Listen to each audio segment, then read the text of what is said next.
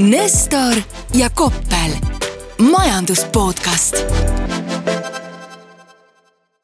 tere, mina olen Mihkel Nestor, SEB majandusanalüütik. minu vastas istub täies hiilguses SEB privaatpanganduse strateeg Peeter Koppel ja me oleme rohkem kui valmis alustama meie järjekorras vist numbrit kaksteist kandvat podcast'i ja kui me mõtlesime, et millest siis siin jälle rääkida, kaks nädalat on mööda läinud viimasest, et tuleb tunnistada, et kuidagi ei saa nagu mööda nendest teemadest, et millest äh, on juba väga pikalt juttu olnud, ehk siis tegelikult seesama inflatsioon, mida üle nüüd aina rohkem inimesed ka tänaval kiruvad.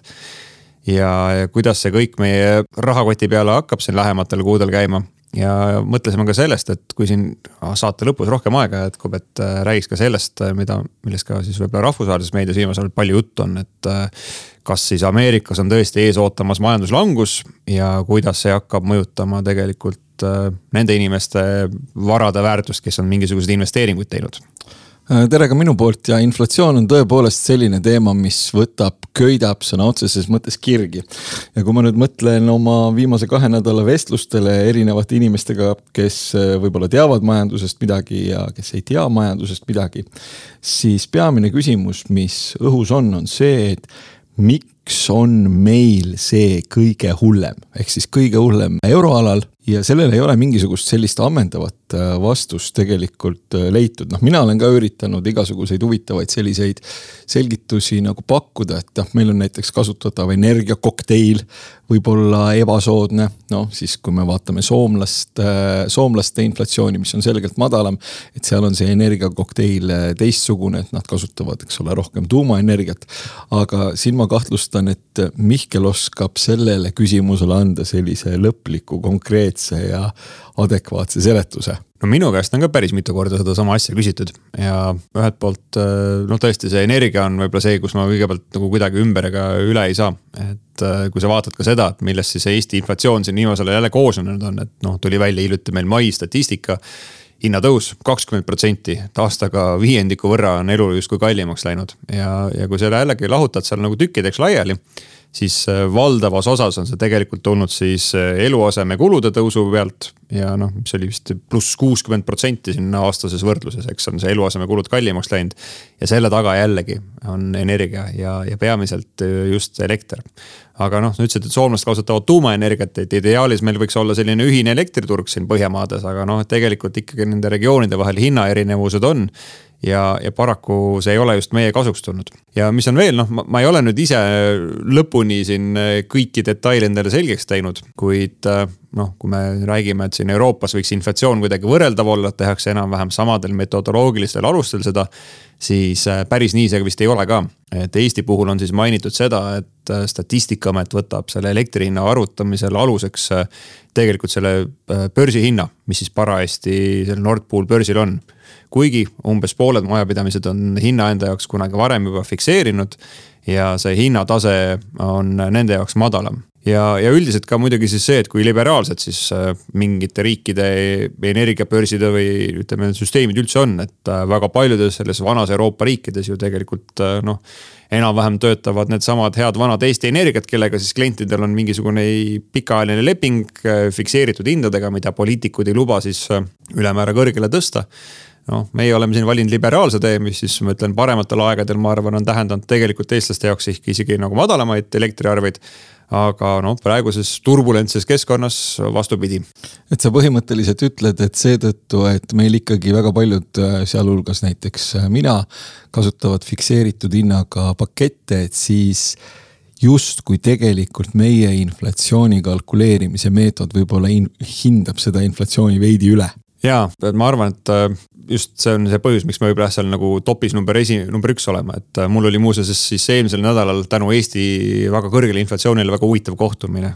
et Eestisse oli lähetatud äh, Prantsuse kohaliku riigimeedia ajakirjanikke spetsiaalselt kolmeks päevaks äh, tegema siis intervjuusid eestlastega sellel teemal, et kuidas siis Eestist on saanud äh, kõige kõrgema inflatsiooniga riik. Ja noh, see näitab seda, et äh, millist tähelepanu isegi nagu maailma mastaabis siis Eesti inflatsioon täna omandab, et ja ta oli tore noormees, pärast küsisin, et noh, mis siis nagu Prantsusmaal juhtuks, et kui inflatsioon oleks kakskümmend protsenti. Noh, tema vastus oli inglise keeles siis civil war ehk siis kodusõda ja ma täiesti kujutan seda ette no prantslaste puhul jah, et üldiselt juba väiksemategi ebamugavuste peale võetakse, keeratakse mõned autod Pariisis teistpidi ja pannakse põlema, et selle üle ei maksa nagu väga imestada. ja kui me nüüd mõtleme ka seda sellist äh, inflatsioonilist keskkonda, ütleme laiemalt arenenud maailmas, siis äh, noh, olgem äh, ausad, noh, need, need põlvkonnad, mõningad, kes nagu praegu aktiivsed on, et ega nad ju tegelikult ei ole mitte midagi sellist sellist näinud, et noh, seitsmekümnendatel oli inflatsioon päris korralik. kaheksakümnendate alguses oli inflatsioon päris korralik, aga noh, need inimesed, kes seda mäletavad, võib-olla äh, on juba peast natukene hallimad kui need, kes sellega esimest korda kokku puutuvad jah, aga noh, huvitav võrdlus on, et mina olin, veetsin oma nädalavahetuse siis äh, relvastatud eestlastega äh, Kaitseliidust ja ka seal oli meestel väga hinge peal see, et kui kõrgeks hinnad läinud on, aga noh, nemad olid hoolimata sellest, et neil on püss käes, vägagi rahumeelsed ja pigem arutasid selle üle, et kus siis nagu on kõige soodsam praegu tankima minna, et äh, mõnigi sent sellelt hinnatõusu pealt kokku hoida. Jah, ja selles mõttes, et kui nüüd mõelda sellele noh, kütuse hinnale, siis noh, praeguse seisuga tundub, et kütuse hind eriti kuhugi väga langemas ei ole. et OPEC pluss küll ütles, et tõstetakse tootmismahtu, aga see tootmismahu tõstmine on selline äh, mis tekitas kohe küsimusi äh, spetsialistides, et kas nad päriselt seda suudavad teha. et see tootmismahu tõstmine oleks võib-olla selline faktor, mis aitaks kütuse hinda veidikene allapoole. teine faktor on see, et hiinlased kusjuures oma äh, Äh, nii-öelda Covid poliitikaga võtavad, mängivad sellist äh, edasi-tagasi äh, kummi venitamist, et ühest küljest alguses tahtsid kõik nagu kinni panna ja mängida sellist poliitikat, et null viirust ja me ei lase seda levima. siis see siiski läks levima, siis nad vahepeal vaatasid, et neil võib-olla majandus veidikene komistab. veidi tihti tõmbasid ennast nii-öelda tagasi ja noh, nüüd me räägime jälle sellest potentsiaalist, et suurlinnades või võidakse terveid linnaosasid sulgema hakata. inflatsiooni seisukohalt see loomulikult ühest küljest tähendaks seda, et noh, võib-olla nafta vastu on vähem, vähem nõudlust ja see nafta siis nii-öelda inflatsiooni enam ülespoole ei, ei, ei, ei tõuka. negatiivse poole peal võib see tähendada seda, et noh, nagu me siin ka varasemalt oleme rääkinud, et need inimesed, kes peavad kodus istuma, noh, need ju kõik töötavad kuskil ja kui nad töötavad kuskil, siis nad arvestades Hiina majandust ilmselt äh, toodavad midagi. ja see midagi on ilmselt midagi sellist, mis jääb kuskilt mujalt puudu või jääb üks mingisugune väike komponent kuskilt puudu. ja kui nõudlust on aga pakkumist jääb puudu, noh siis me teame ju, mis selle resultaat on, selle resultaat on ka hinnatõus. nii et see Hiina teema on seal kuskil taustal nafta suhtes, tarbija mõistes positiivne, kõigi muude asjade suhtes võtab jälle kukalt kratsima ma, Peeter, julgen äh, siis äh, kinnitada sinu sõnu, et äh, mul oli eelmine nädal väga sisukas nädal. käisin veel ühel üritusel, oli kütusekonverents toimus Eestis.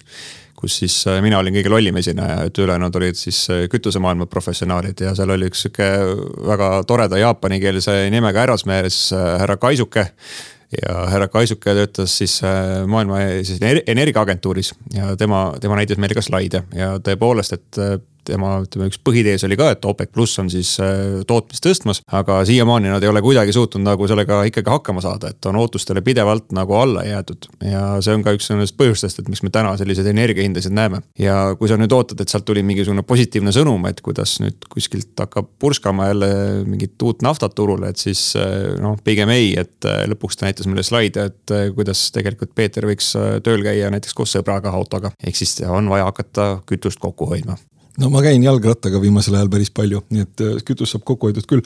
aga kas härra Kaisuke või Kaisuke või kuidas ta parajasti oli, et kas ta rääkis ka midagi sellest, et kuidas ameeriklastel selle tootmisega on? sellepärast, et kui seal oli presidendiks äh, see tegelane, kellel olid oranžid juuksed ja punane nokamüts, siis oli Ameerika teatavasti netoeksportöör ja sai iseenda naftaga päris hästi, päris hästi hakkama. aga see noh, kuna fossiilsed kütused just nagu populaarsed asjad hetkel ei ole, siis praegu vist on see poliitika teine, et kas seal konverentsil sellest ka midagi räägiti? no nii palju, kui ma mäletan, siis äh, kui rääkida nagu sellistest potentsiaalsetest riikidest, et kust võiks nagu sellel aastal siis äh, naftatoodangut äh, või selle suurenemist oodata, siis USA oli kui ma ei eksi, kohal number kaks, mis on ikkagi päris auväärne, et neist ainsana oli seda tootmismahu kasvatamise potentsiaali natuke rohkem siis saudidel. aga eks seal on ka noh, tehnoloogiliselt ma saan aru, et et nende jällegi täpselt nagu sa välja tõid, et kuna see must energia ei ole olnud siin nagu viimastel aastatel väga populaarne, et siis nende uute investeeringute tegemine sellesse sektorisse, noh kiirelt seal mingite uute õlikaevude avamine, et see on sihuke natuke problemaatiline teema jah, ja muidugi ma olen veidikene mures võib-olla selle edasise poliitika pärast, et eh, noh, ühest küljest noh, me kõik saame aru, et, et roheluse suunas tuleb liikuda. aga teisest küljest, kui eh, noh, nagu su nii-öelda prantsuse ajakirjanikust äh, noormees võttis, rääkis kõrge hinnatõusu puhul sellisest asjast nagu kodusõda, mis noh, oli ilmselgelt võib-olla mõningane liialdus, kuigi noh, prantslaste iseloomu arvestades võib-olla mitte liiga suur liialdus. siis see hinnatõus ja see hinnatõus, mis on paljudki seotud energiaga ja mis taandub ikkagi ka sellele kallile naftale, kus ei ole siis nii-öelda tegelikult äh, asi niivõrd sõjas, kui, või kui nagu poliitikud mõista, kip-, mõistma kipuvad anda, et siis äh, võib juhtuda, et neid poliitikuid ühel hetkel, kui jälle kuskil valimised tulevad, kiputakse välja vahetama selliste vastu, kes võib-olla nii rohelised olla ei taha. ja see päris kindlasti nagu veidikenegi pikemas perspektiivis positiivne areng ei ole. küll aga ma pean seda võib-olla mõnes mõttes paratamatuseks.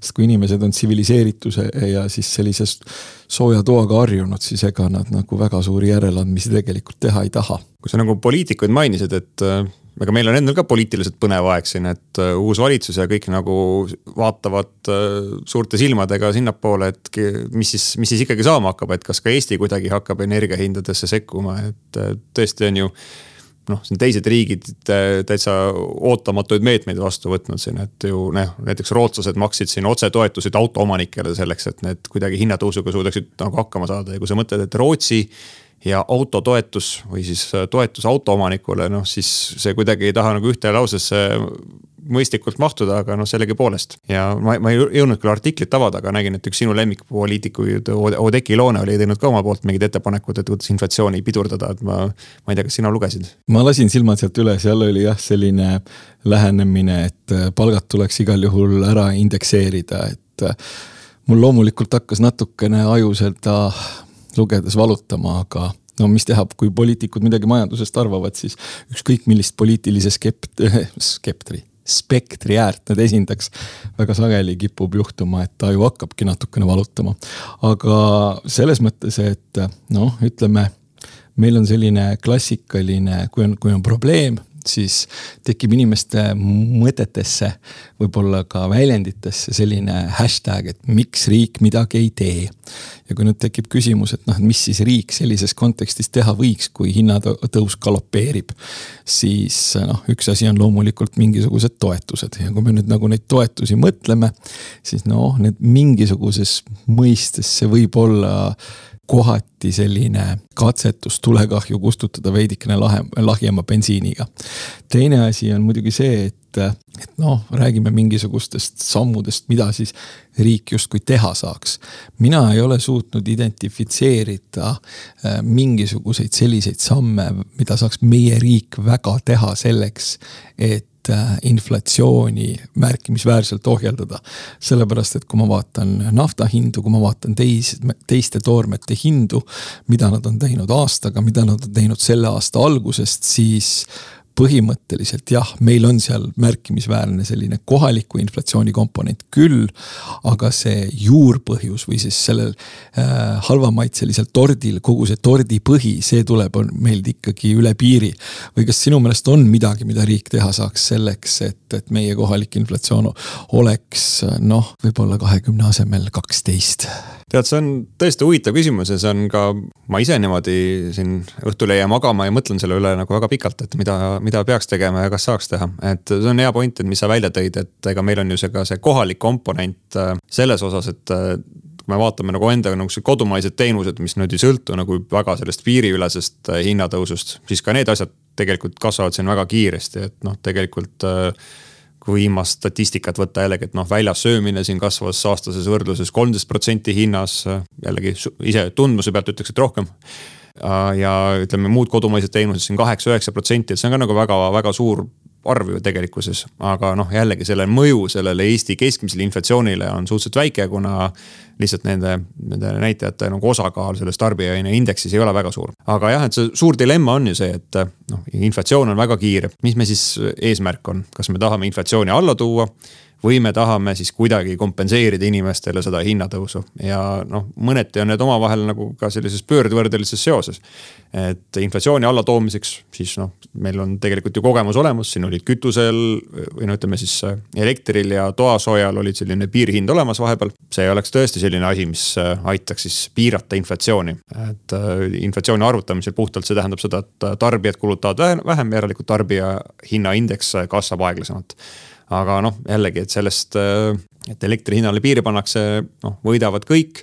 samas kõik ju abi ei vaja, et äh, võin öelda, et ega mulle ka ei meeldi kõrge elektriarve, aga no ju ma selle suudan ära maksta. aga kindlasti on ka selliseid leibkondasid, kes ei suuda ja kui sa neile tahad kuidagi rohkem siis seda abikätt pakkuda, siis sa ei kehtesta mitte piirhinda, vaid hakkad maksma mingisuguseid toetuseid välja ja noh, toetustega on jällegi see külg, et noh, seda saab kulutada ka kõige muu peale, peale elektriarve, ehk siis sa võid seda inflatsiooni tagant kütta. ongi väga raske dilemma ja selline poliitiline valik, et et äh, põnev näha, mis siis juhtuma hakkab. no täpselt sellele ma vihjasingi, et, et see on tulekahju kustutamine sellise veidikene lahjemat sorti bensiiniga, et kui keegi mäletab, siis eksisteeris ka selline bensiin, mille oktaanarv oli seitsekümmend kuus.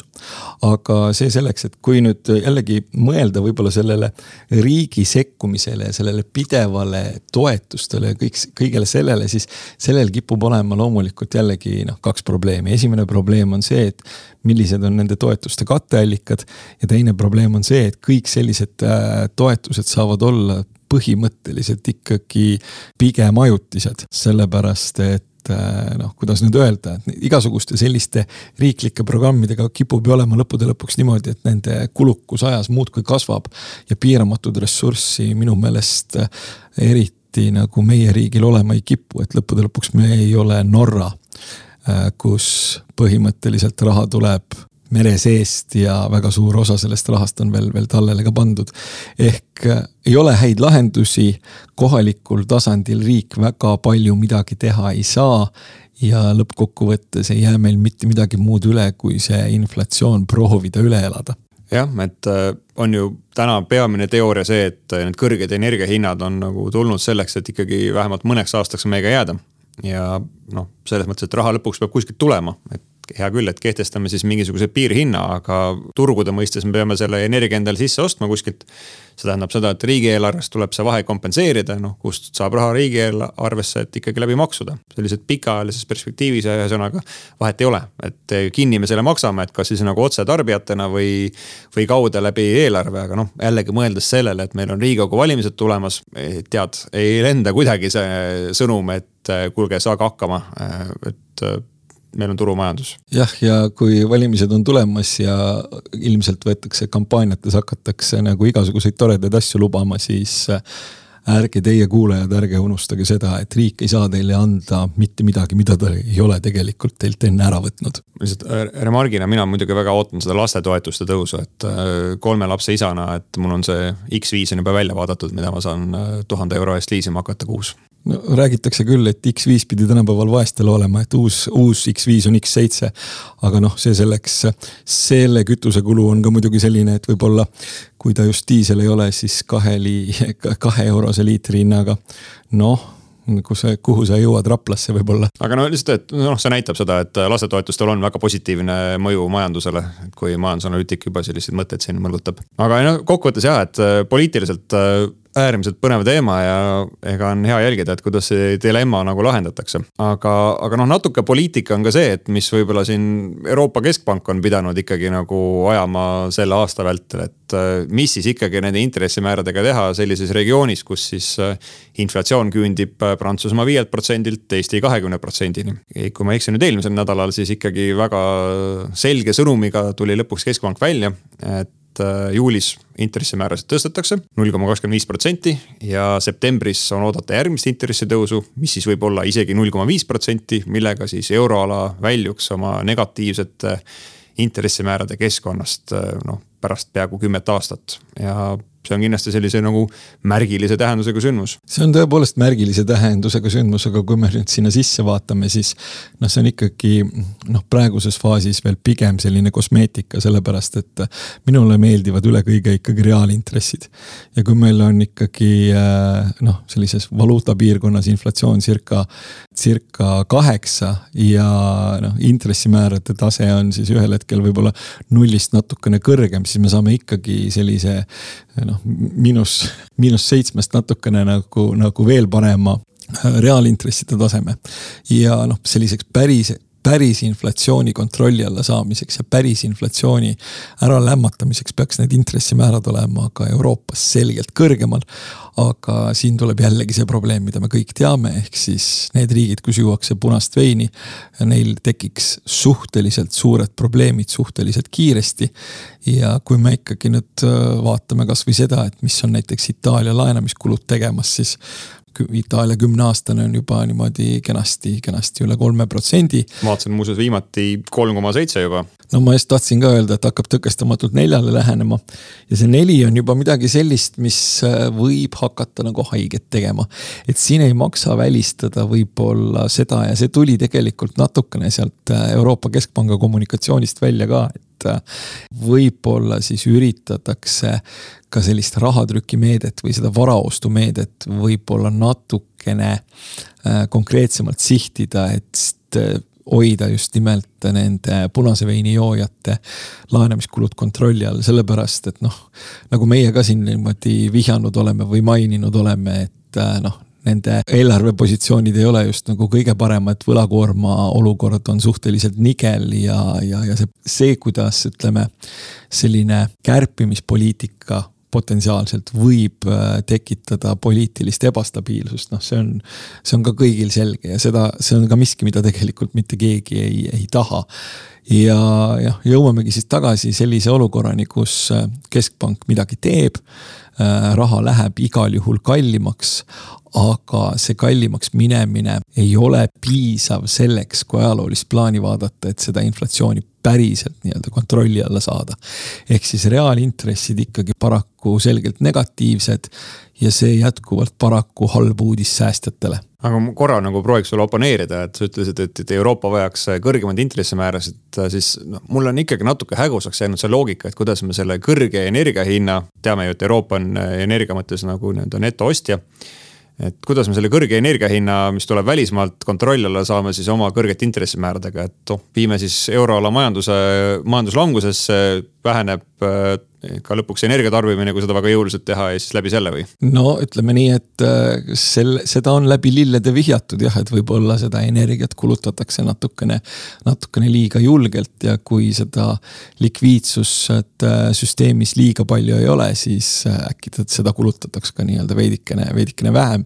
et noh, kuidas nüüd öelda, et inimene istuks äh, kodus, toas oleks neliteist kraadi ja ta vaataks Netflixi selle asemel, et autoga kuhugi hästi kaugele sõita. aga intressimäärade tõusu mõju Eestile, et mida mu käest on ka nagu mitu korda siin küsitud, et mina olen siiamaani nagu optimistlik olnud, et äh, tänagi, et kui vaadata, siis äh, ütleme, Euribori futuure siin noh, mis mulle tunduvad, et on natukene nagu optimistlikud. et ma ei ole päris kindel, et kas me nii kõrgete intressimääradeni jõuame, et noh, siin näiteks oli kaks koma kolm protsenti juba vist järgmise aasta lõpuks siis äh, noh, ainus võib-olla, kes selle üle muret tuleb, on see, kes siis äh, kaheksasaja tuhande eest Kalarannasse endale mingisuguse korteri ostis ja selleks nagu seitsesada tuhat laenu võttis, et. Äh, üldiselt Eesti majandus, ma arvan, kannatab üsnagi hästi välja selle üheprotsendise või kaheprotsendise intressimäära tõusu olukorras, kus sul niisamagi elukallidus kakskümmend protsenti tõuseb. ja ma kahtlustan ka, et kortereid selliste hindade eest, millega on võimalik soetada Tallinnast mitte väga kaugele.